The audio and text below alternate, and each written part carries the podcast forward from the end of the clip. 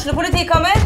Ine Jansen er purk. Er du purk? The motherfucking bitch. Alt jeg vil, er å finne ut hva som skjedde med mannen min. Jon Carew. Er jeg sikta for noe? Iben Akeli. Det er du. Ole So, Lars Berrum og Big Daddy Karsten. Hvem sin side er du på, egentlig? Anette Hoff, Tone Danielsen, Kommer du fra Afrika?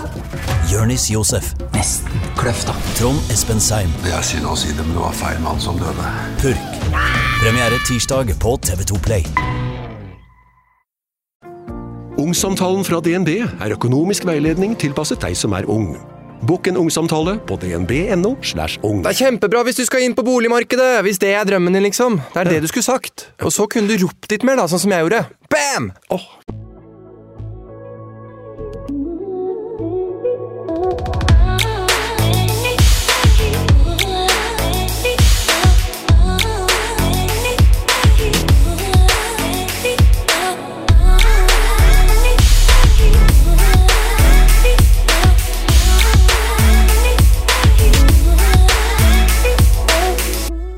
I dagens episode så har jeg besøk av Bettina, vår alles reality-stjerne. Og Bettina hun har tidligere vært åpen om at hun har tatt abort. Og i dag så får vi høre om hva som faktisk foregikk. Og siden denne episoden ble spilt inn, så har Bettina blitt singel. Og med å høre episoden så skjønner vi kanskje hvorfor.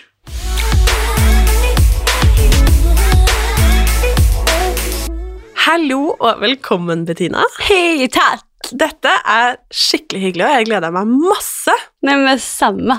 Det, vi skal jo snakke om eh, kvinnehelse og abort. Mm. Um, og jeg syns det er litt interessant, for vi er jo to ganske forskjellige kvinner, Precis. men som mener og brenner for mange av de samme tingene. Exakt. Og da er det alltid fint å sette seg ned og skravle litt.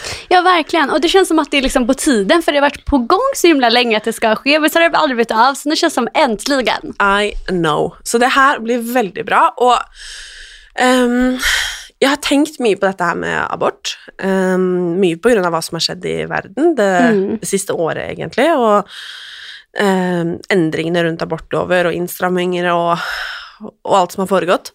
At jeg tror det er litt viktig at vi prater litt om abort igjen. Ja men alltså Ehm, verkligen, det var ju därför jag valde att vara så öppen med det. För att speciellt under tiden det hände så var jag ju aktuell i en serie i USA och precis under den tiden var det som, alltså speciellt i Texas, eh, alltså som det uppmärksammades i Texas, eh, allt med abortlagarna och sådär. Så det var precis därför jag kände så här, okej jag måste vara öppen med detta för att detta måste spridas. Alltså det måste visas att det är okej att göra abort. 100% och jag har tänkt mycket på det själv också, detta här med abort, För jag upplever ofta att vi De flesta som jag känner, de är för abort. Um, og alle mine nærmeste er for abort. Mm. Men allikevel så opplever jeg at det er en sånn skam knytta til det. Det er liksom, det är greit, men det er litt fy-fy allikevel. Precis, det är som att alltså ens generella åsikt är att det är grejt, men sen om det händer typ någon i ens närhet så är det ändå lite så att folk tänker så här, oj, varför det? Da blir det liksom så alvorlig. Och nära tror jag. Ja, og så føler jeg, ehm, som aldri har hatt en frivillig abort, Nej. at ehm, det er både skam knytta til det å faktisk ta abort, Mm. men også det å først og fremst ha blitt gravid. 100 procent alltså, verkligen. För att som du säger, det känns som att det är fler som kritiserar att okej, men hur kunde du bli gravid? Varför använder du inte preventivmedel? Alltså varför såg du inte till att du inte blev gravid om du nu ska göra abort och så vidare. Sen så är det såklart många som kommenterar själva aborten också, men verkligen folk som kommenterar eh, att man har låtit sig bli gravida. Men vad folk inte tänker på det är ju att alltså, till exempel p-piller, det är ju bara en 99% chans. Man kan ju bli gravid på p-piller. Alltså, Och sen också, skulle det vara så att någon blir gravid eh, och inte har gjort p-piller och eh, inte har gjort p-piller och inte har brukt p-piller och ändå vill göra abort så ska ju det också vara okej. Mm. Det är det. Men det känns som att, ah, jag vet inte, det är också väldigt många är ju väldigt dömande. Alltså väldigt många som inte har varit i situationen själva är väldigt dömande och då känner jag också så här, då har du ingen rätt att döma. Och det är också det som är att så jävla många män ska döma. Man bara, ursäkta, du, kom, alltså, du har aldrig varit i den här situationen, du kommer aldrig kunna vara i den här situationen. Alltså vad har du att säga om detta? Alltså du har ingen rätt att kommentera detta. Mm. Har du følt eh, skam för att ha stått så tryggt i valget ditt också? Eh, jag, har, jag har ju inte känt någon skam för det, för jag har varit så himla säker på mitt val. Eh, men alltså, var säker på sitt val. Men så här, okej så här. För mig, jag är väldigt trygg i mig själv, jag vet vad jag vill, jag vet att jag inte vill ha barn, eh, jag vet att det var helt rätt val för mig att göra abort. Sen så vet jag att det är extremt många som dömer att jag är så trygg i det. Men, och som skammar mig för att jag är så trygg i det, men jag har inte följt på skam på det. Visst du känner vad jag menar? Absolutt. Men la oss eh, ta det litt fra starten av. Ja. Hva er historien?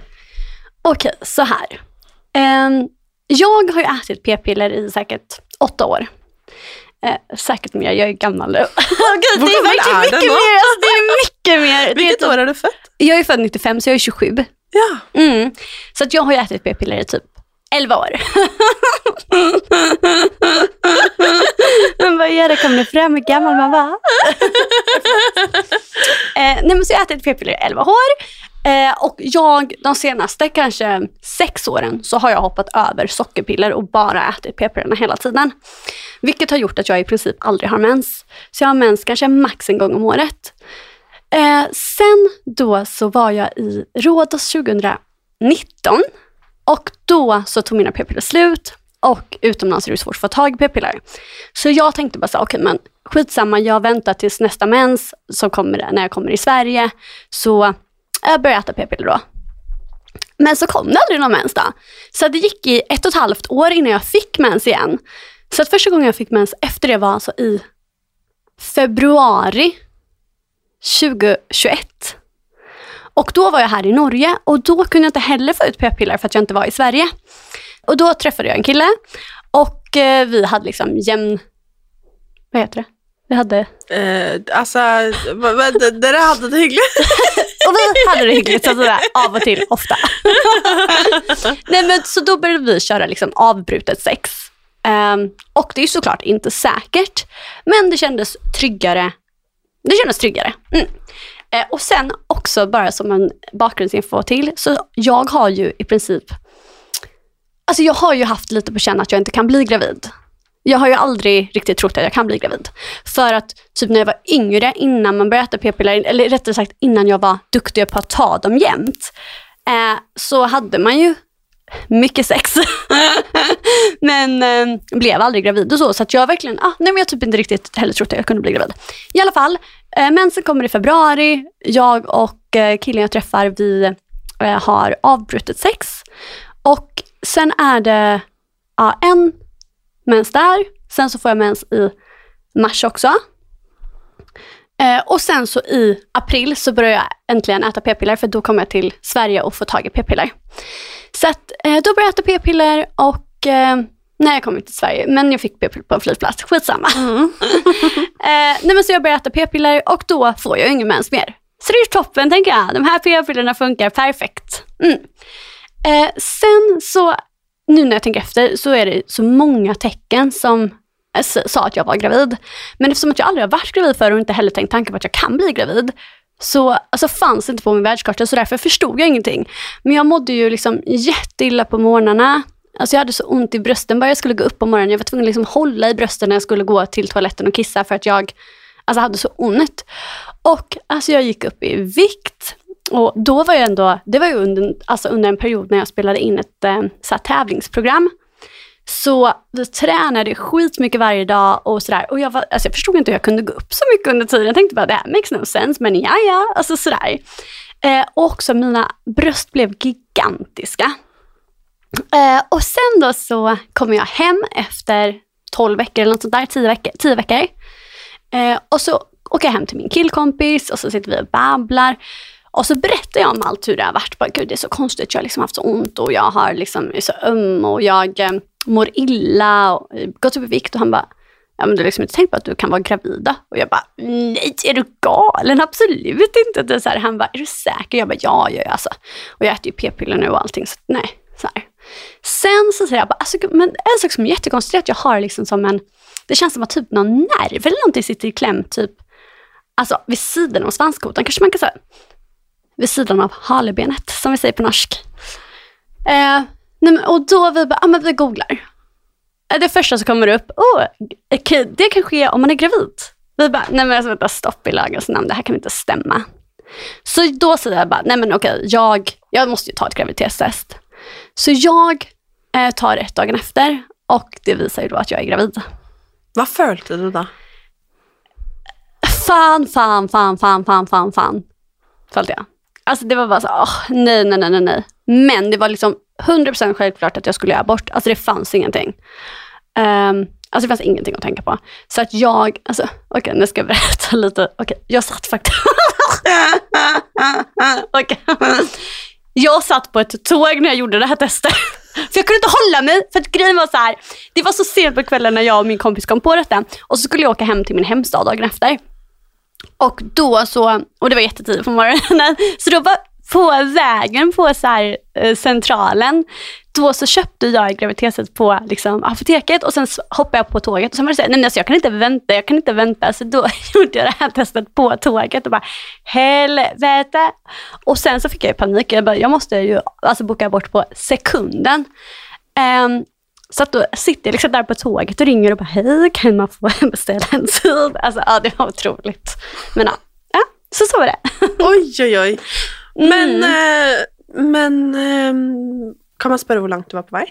Ja, eh, jag visste ju inte det då, men med tanke på att senast jag hade haft sex var ju innan den här inspelningen som jag var borta på i tio veckor. Så jag förstod ju att det är långt gånget.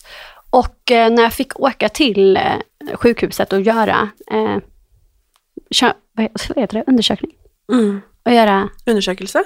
ja, vad Ja. heter det? Hva sån här, ja, skitsamma undersökning. Ja.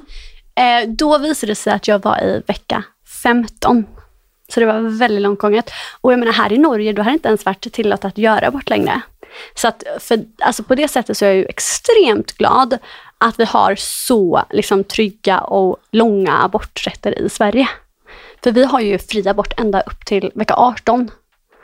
Så att det var ju, ja, nej så det kändes väldigt bra, men det kändes ju såklart så här, man vill ju aldrig göra abort, men alltså desto längre gånget det är, desto mindre vill man göra abort. Så att det kändes såklart jobbigt att det skulle behöva vara så långt, men, det, alltså, men jag känner fortfarande inte att det på något sätt skulle kunna påverka mitt val. mm. Men eh, uh, fortalte du det till någon att du var gravid? För exempel den fyren du träffade? Ja, eh, jag, ehm, eh, alltså, jag satt ju på tåget. Så jag skrev direkt till honom, så skrev jag bara så här, jag har eh, tagit ett graviditetstest och jag är gravid, men jag har bokat abort på måndag. Så att det var eh, väldigt, ehm, alltså så, här, så att såklart att han, eller nej, han skulle faktiskt aldrig haft ett säg i det. Det är min kropp och jag, det är mitt val. Alltså så. Ehm, men däremot så vill jag säga till honom direkt att jag hade bokat abort just för att han inte skulle behöva bli stressad och känna att han behövde göra någon typ av val. Mm. Men han tog det väldigt bra. Han svarade sånt att, liksom, att okej, det känns skönt för mig att du gör det, för jag känner mig inte redo. Men hade du velat behålla det så hade jag varit med på det. Så fint, da. Ja, verkligen. Men hvordan var selve prosessen da, fra du fikk vite at ok, du er gravid, eh, til at du fikk tiden på mandag? Hvordan, hvordan var det?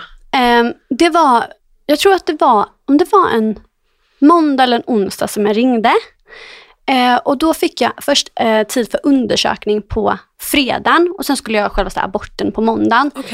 Och då på undersökningen då ser man liksom eh, vilken vecka man är i, alltså hur långt gången man är, för det avgör ju vilken typ av abort man ska få göra. Eh, och jag, eftersom att jag var så pass långt gången så eh, har jag behövt göra liksom, den värsta, eller vad man ska nu, alltså inom, Mm. citat, inom situationstecken. Eh, men, och då behöver man liksom föda ut barnet. Eller fostret rättare sagt. Så att det är ju en process. Eh, så att då på, eh, på fredagen fick jag åka hem och så fick jag med mig och så fick jag med mig tabletter. Så, eller nej, först på fredagen så först fick jag ta ett, eh, en tablett som gjorde typ att fostret dör. Ehm, och sen så på, fick jag med mig en eh, till tablett som skulle vara, alltså som börjar sätta, sätta igång verkarna. Heter det verkar i Norge? Mm, ja, eller rier. Rier, Ja. just det. Men man känner verkar eller? Ja, Okej, ja. bra. Jeg gjør i hvert fall det. så bra. Eller så heter det rier. Eh, nej, men, eh, som satte igång verkarna som jag skulle ta typ så klockan fem på morgonen eller något sånt där. Och sen så skulle jag åka in till sjukhuset klockan sju och då eh, fick man fortsätta ta sådana här tabletter då, då. Och sen skulle man ta det var fjärde timme eller något sånt där. Eh, och efter några timmar så är ju alltså smärtan så brutal. Alltså för det är ju äkta verkar. Så att, eh, så att det som är att jag har ju gått igenom liksom en riktig förlossning eller vad man ska säga. Förutom att när det jag fått ut har ju varit så mycket, mycket, mycket mindre. Så att det gör såklart inte lika ont. Men själva verkarna är ju lika onda som en riktig förlossning eller vad man ska säga. Um, nej men och sen då, och då fick jag eh, bedövning som skulle vara så här, då när smärtorna var som värst. Och det var liksom alltså nålen, alltså på riktigt, den var alltså kanske alltså 30 centimeter lång. Jag har aldrig sett något så stort i hela mitt liv. Eller Alltså i nålväg. Jag har faktiskt sett något så stort i hela mitt liv. Skitsamma. I alla fall. Eh, nej, och då så sprutade de in det. Och det var alltså det bästa i mitt liv. Alltså för då försvann alla verkar. Men då så tog det också väldigt lång tid för det. Eller det, jag vet inte om det drog ut processen, men processen tog väldigt lång tid. Så sen så fick jag nya sådana här tabletter efter fyra timmar och sen efter fyra timmar igen. Och då eh, skulle vi ta en spruta till för att då var det, alltså då, nej men då visste jag inte vad jag skulle ta vägen. Jag kunde, liksom, jag kunde inte stå, jag kunde inte sitta, jag kunde ingenting. Eh, och då, när vi ska ta den så går vattnet också. Så att det är verkligen liksom som en process som en riktig förlossning, eller vad man ska säga. Eh, och sen så tar det väl någon timme till och sen så hamnar det på att jag liksom ska föda. Men det som är, är att man föder ju ut ett dött foster och det är ju liksom bara vad kan det vara, 6 centimeter. Så att det är ju väldigt, väldigt, väldigt litet. Um, så att, men det kan jag säga, enda gången som, jag, som det har känts i mitt, alltså det är hemskt att säga så här, jag har verkligen varit super så här. Jag tror också att jag har varit lite avståndstagare från det för att det inte ska kännas massa. Men det har varit så här, ja ja, jag ska göra bort, inga konstigheter, jag vill inte ha barn, lalala. Men så är jag ju också lite control freak. Så att jag är så här, jag bara, kan jag få se det när det kommit ut? Bara så jag vet liksom vad som har kommit ut ur min kropp och att det är ute och allt sådär. Liksom. Och då när jag fick se det här lilla, lilla, lilla fostret. Det kan jag säga, det är enda gången som det har känts lite i mitt hjärta. Det kändes liksom så oh shit. Alltså det här hade verkligen liksom blivit ett barn. Mm. Så att då, då kändes det. Det var, det, var, det var liksom, jag är glad att ha sett det för att man ska veta liksom allting och sådär. Men det, alltså det gjorde lite ont. Det känner jag väldigt mm. Var du alene genom den processen? Ja, det var jag. Men jag fick ha med mig någon. Um, och först så tänkte jag ha med mig någon, men sen kände jag Eh, jo, nej, först tänkte jag med mig någon och då skulle hon komma typ två timmar efter att jag eh, kommit dit. Men så kände jag bara, nej, det, jag, det var typ skönt att kunna vara i fred. Eh, och du vet, när man hade så ont och du vet, alltså, alltså jag kan berätta detta också, att de här tabletterna för att bli igångsatt och sånt, alltså man får ju så mycket diarré och allt sånt där. Så jag satt ju jättemycket på, på toaletten och, allt sånt där. och det var så skönt typ att inte ha någon där då. Och sen visste jag att jag hade ju sköterskorna utanför hela tiden, så så fort det var någonting så kunde jag bara plinga på dem. Liksom. Eh, så det, det tyckte för mig var det perfekt. Då hade jag någon, jag hade eh, antingen min syster eller min kille på Facetime i princip hela dagen. Och sen så, så fort jag bara började få ont eller började känna att jag behövde gå på toa, så, så här, då kunde jag bara stänga, stänga av och så kunde jag få vara i fred. Mm. Och samma liksom, när det här, när jag hade de värsta verkarna och skulle föda och det där, då tyckte jag också det kändes jätteskönt att inte ha någon där. Att bara äh, sköterskan som var liksom där och var professionell och som du supervarm och gullig och allt sådär. Men jag vet inte, det, för mig kändes det jätteskönt att inte ha någon där. Mm. Konstigt nog. Hvordan hade du det etterpå? Eh, alltså, precis, precis efter, alltså när jag fortfarande var på sjukhuset, så vad man inte vet, eller vad jag i alla fall inte visste, det är ju att eh, när man har fött eh, så lägger man sig på den här britsen igen. Och då så trycker de liksom massa på magen för att det ska komma ut massa blod och sånt där.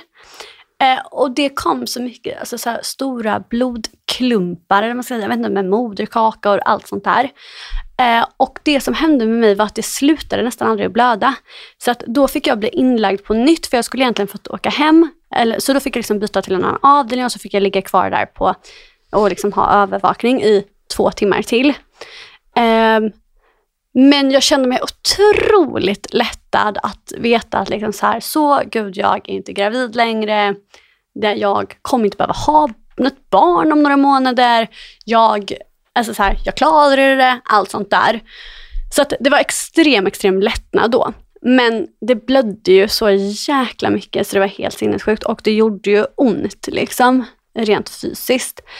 Eh, men liksom, ah, det är konstigt men jag har aldrig någonsin känt någon ånger på det. Jag har aldrig någonsin ens följt sån här, bara, what if? Alltså så här, oh, tänk om. Alltså, det, är liksom inte, det har inte kommit till mig just för att, jag tror också det är för att barn inte är någonting jag någonsin har längtat efter. Men däremot så tror jag, det här är inget som jag har blivit, eh, vad heter det? Alltså som en, eh, jag har inte blivit dig, diag, diagnostiserad, men jag nu efter efterhand kan jag se att jag antagligen fick en alltså post-abortion depression. Ja, och jag vet inte heller hur vanligt det är. Liksom, eller så här, det är tydligen väldigt vanligt eh, så, men jag vet inte hur vanligt det är bland folk att man vet om det. Liksom, för jag visste i alla fall ingenting om det. Jag trodde att du får kanske bara någon typ av depression efteråt om det är så att du ångrar dig eller att du känner att det var fel val eller sådär. Eh, men för mig, jag var ju superlycklig över mitt val, men jag kände ändå, men jag fick ändå någon typ av depression. Och eh, det är ju liksom rent så här kemiskt, biologiskt, att det är någonting i kroppen, alltså hormonerna ändras och sånt där. Så att jag tänker att det är också viktigt att veta att man kan må dåligt efteråt, även om man inte mår dåligt över sitt val. Så kan man ändå må psykiskt dåligt efteråt liksom. Ja, det har jag aldrig tänkt på faktisk. Og jeg vet jo, når jeg hadde min eh, spontanabort, Ja, så fikk jeg akkurat samme reaksjon. ja du fick det. Eh, uten å egentlig vite at jeg i det hele tatt var Nej, gravid. nej. Ehm, så det er vel bare noe som ligger i, i kroppen, vil jeg Men tro. precis, det är något så här hormonellt, eh, biologiskt på något sätt. Ja, ja antageligvis. Ehm, men det har jeg aldri tenkt på, at man kan få det etter en abort også. Nej, nej. Jag, tror, jag tänkte inte heller att man kunde få det efter en abort. När man alltså, enligt sig själv har gjort rätt val.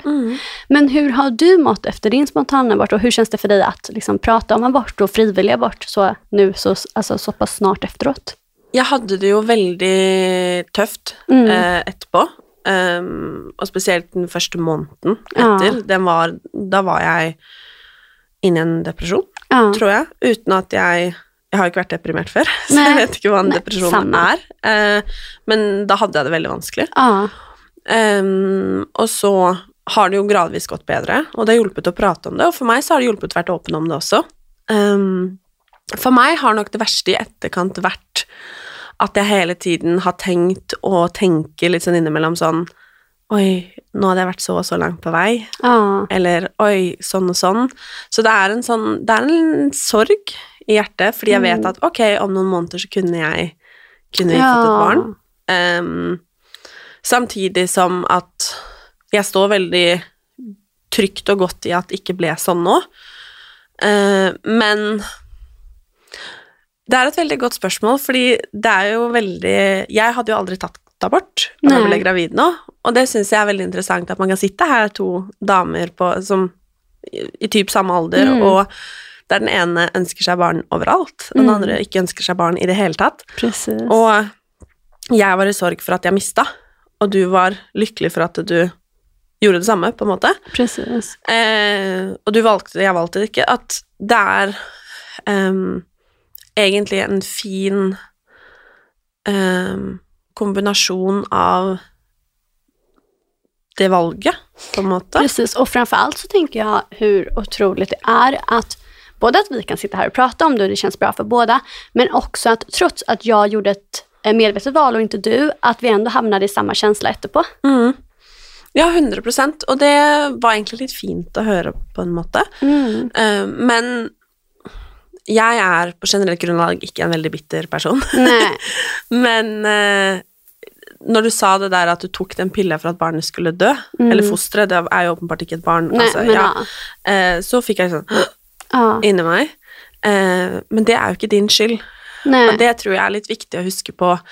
Jeg har venninner nå som gjør alt hva de kan for å bli gravide. Mm. Ehm, Jeg har ikke kommet dit ennå selv. Nei. Eh, jeg er fortsatt i en healing-prosess. Mm. Um, og det kan godt hende at det går kjempebra neste gang. Det vet vi jo ikke. Um, men eh, det er jo Det er jo rart at man kan være så forskjellig, og at mitt største ønske er ditt største mareritt, på en måte. Precis. Nej, men precis. Och för mig var det ju så att eh, det tog ju ändå ganska många månader innan jag pratade om det. Och för mig är det ju just av den anledningen att jag har ju en av mina närmsta, närmsta vänner, hon kämpar ju så mycket med att få barn. Och då var det för mig att jag var såhär, nej men jag kan inte prata om detta. Alltså så här, för att jag kan inte göra så mot henne. Och jag var såhär, men gud, hur kommer hon känna? Kommer hon bli ledsen? Eh, och jag liksom pratade inte med henne om det förrän ja, men långt senare. Och, men det som var så skönt då var att när vi pratade om det så var det så här, vi båda liksom grät, för vi båda var så här, och jag, och jag var så här, gud jag önskar att jag hade sagt det till dig tidigare, samtidigt som jag, liksom, jag vågade inte, för jag var rädd för att det skulle såra dig. Och då är hon så här, det är det som också är så fint, på samma mått som vi kan sitta här nu, att det är så här, ja men det handlar fortfarande inte om mig liksom. Eh, alltså att hon kände så. Och att det är så här att oavsett vad, så måste, alltså så här, oavsett om jag kämpar för att få barn, oavsett om det är allt jag vill, så måste du ju få göra ditt val. Eh, och så här att, att, vill inte jag, alltså så här, som för mig, jag känner också så här, nu var det också så här, eh, jag åt ju p-piller under hela tiden jag var gravid. Jag fick ju migrän i princip varje dag, så att jag åt ju massa starka eh, liksom huvudvärkstabletter. Eh, jag drack alkohol flera dagar i veckan under den här inspelningen. Jag alltså, utsatte mig för liksom, extrem fysiska grejer. Jag hoppade liksom 10 meter ner från klippor ner i havet och simmade in i grottor och eh, liksom, ansträngde mig på alla möjliga plan. Så att det finns ju någon liten tröst i mig att, så här, att jag tror inte att barnet hade mått bra om alltså, det kom till världen. Man kan ju inte veta det såklart. Men det är ju också en tröst för mig som gör att, att det känns också, alltså, så här, nu tycker jag att det känns eh, grejt oavsett, men det förs ännu mer grejt ut att veta att, så här, att det kanske inte hade blivit friskt med tanke på allt som jag då har utsatt den för omedvetet. Eh, men eh, just ja, det var verkligen sidospår. Vad jag skulle komma till var att, så här, att, att man kan tycka så olika, men att man ändå kan förena sig liksom, att alla har sina egna val och att man måste göra det som passar en själv bäst. Mm. Og jeg tror, eller for meg så har det vært viktig i denne prosessen, på en måte. Fordi jeg eh, hadde en venninne her i podkasten som fortalte at hun var gravid i podden. Eh, og jeg hadde ikke rukket å fortelle henne at jeg akkurat hadde mista. Ah. Eh, men Hur kändes det då? jeg var egentlig bare eh, glad. Ah. Og det er jeg litt sånn stolt over og takknemlig over at jeg føler. Fordi jeg har aldri Litt sånn Min sorg trenger ikke være din sorg, og din lykke trenger ikke å på en måte være min ulykke. Precis. Eh, og at Og det tror jeg er veldig viktig å huske. Og så har jeg så stor forståelse for alle som føler at det er urettferdig. Mm. Fordi eh, jeg også tenker i utgangspunktet Eller sånn, det er lett å tenke faen, kan ikke jeg være gravid da, siden Mm. du ikke vil, liksom? Hvorfor i helvete skal du bli Och det gravid finns ju inget jeg jag önskar mer i världen att de som jag tycker om bara, herregud, om ni kunde fått det barnet istället, det hade varit underbart för mig. Nettopp, og det jo det som er så trist, at det er jo ikke sånn det funker, men det er jo ikke din skyld. Det er ikke Nei. din skyld at jeg hadde en spontanabort. Akkurat som at hadde du kunnet velge, så hadde vi bytta. precis. Ikke sant? Precis. Og det er eh, Jeg tror det er litt viktig å kunne prate om det òg, Mm. og det er jo det som er så vanskelig med abort også. Det er et veldig, veldig sårt tema. Det er et stort etisk dilemma, og jeg tenker at em, det er fint at man kan sette seg ned og snakke om det, fordi det er Det må faktisk være greit, for jeg ønsker meg barn overalt, Mm. men det må faktisk være greit å si at man ikke ønsker barn. Precis. För det tycker jag, det är alltså, lika mycket som man, eller kanske, alltså mer än att jag har fått eh, mycket ifrågasättningar för abort så har jag ju definitivt fått ifrågasättningar över varför jag inte vill ha barn. Ehm, och framförallt många som säger så du kommer ändra dig. Och det är så här, det är faktiskt lov att inte vilja ha barn. Sen vet man aldrig, jag kanske ändrar mig. Men i 27 år har jag hittills aldrig någonsin känt liksom, någon dragning till att skaffa barn. Ja, for er det grunnen til at du ikke vil ha barn? At du rett og slett bare ikke har lyst? Ja, jag har bara aldrig haft lust. Jag, alltså, det, och det är så konstigt för att alltså, jag är verkligen en barnkär person.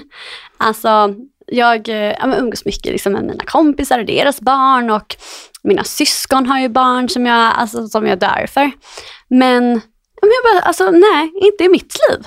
Alltså, så här, och det är perfekt också för att då får jag vara Alltså den här roliga, härliga personen som kan komma och vara med barnen, då händer det massa kul saker.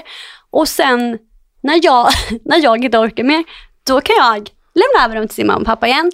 Och så kan de Nej, men så, så kan de ha sitt och sen ser är det också, herregud, jag kan absolut ta om de skriker och håller på. Det kan jag sitta med dem oavsett. Men för mig känner jag bara så här, alltså, gud, okej, okay, jag ska säga detta. Så här, att jag känner ju jättemycket personer som har barn och som tycker det är helt fantastiskt såklart.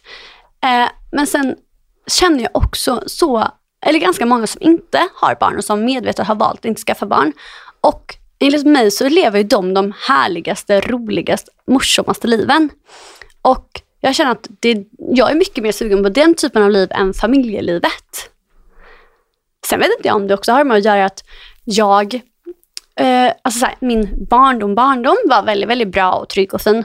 Men sen hade jag ganska många år där från typ 13 till 18 där jag verkligen kände mig men där jag inte kände mig så himla så här önskad egentligen av mina föräldrar och familj och sådär. Och jag vet inte om det kanske också har bidragit till att jag inte ser på att skaffa barn som det största, viktigaste, bästa grejen. Alltså så. Mm. Det tror jag absolut kan vara en, eh, en grund till mm. att du följer som du gör. Ja, säkert. Hur snackar du med detta här med um, partner och liksom mm. kärste och liksom, för det är ju, för mig hade det varit en dealbreaker i ett förhållande. Ja, det som var var att när jag berättade det för min käraste, um, så jag tror så här, som sagt, alla jag säger det till, de säger till mig, ah, men du kommer ångra dig, du kommer ändra dig. Alltså så. Eh, så när jag berättade för honom, jag berättade direkt för honom att jag har inga tankar på att skaffa barn.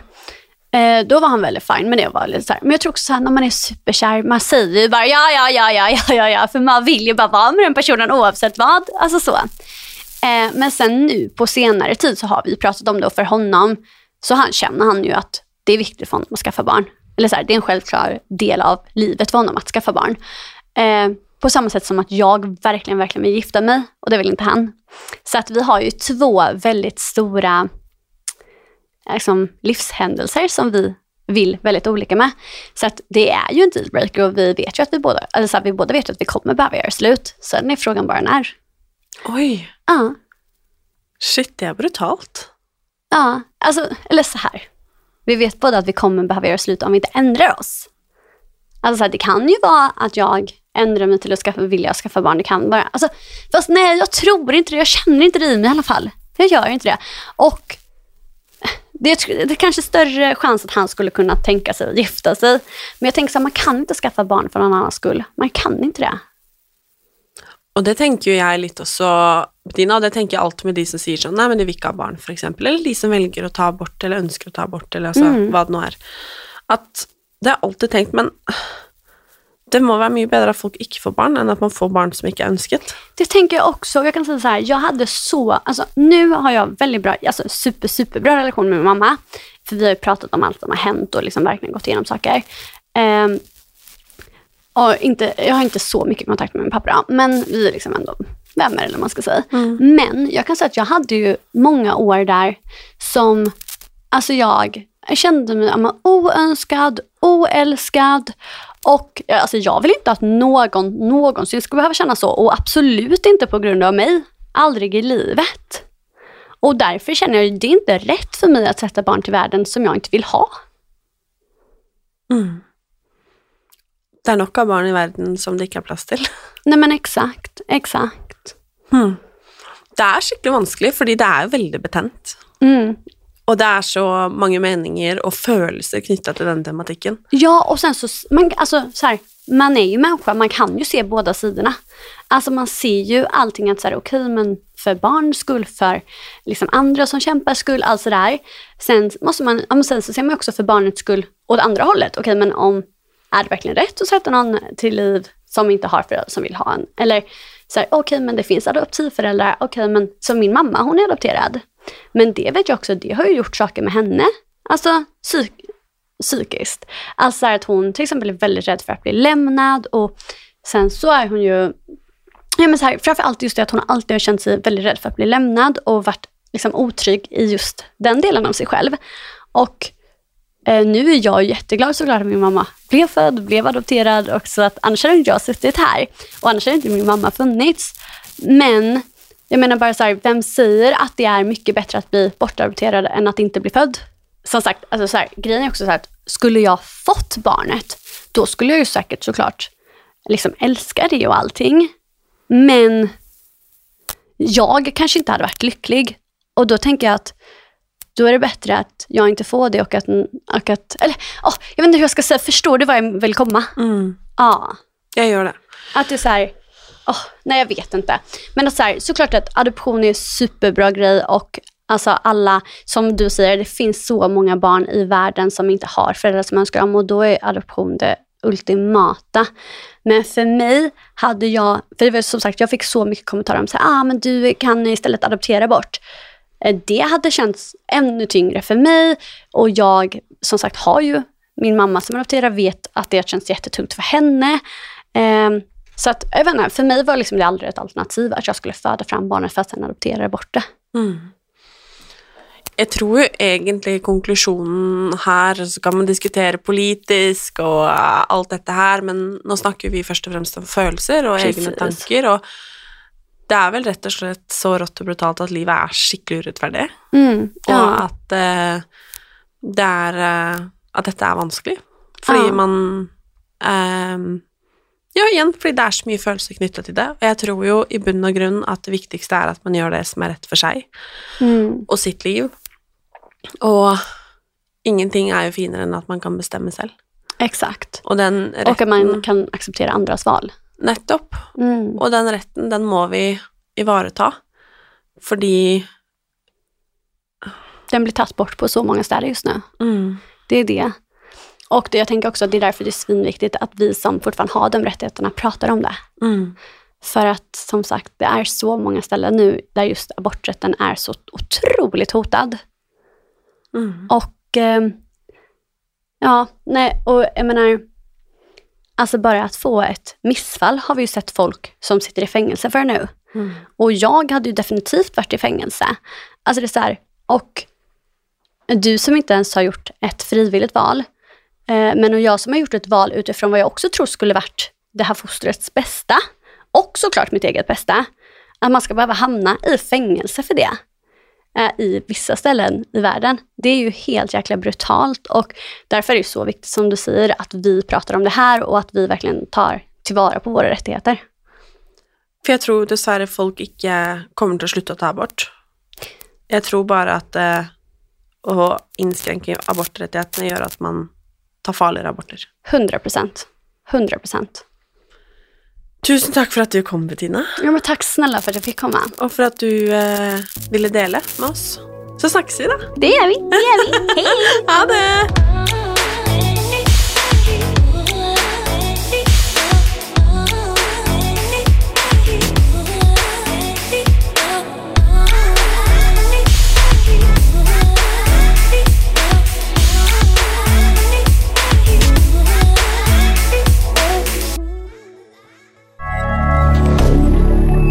milliardaire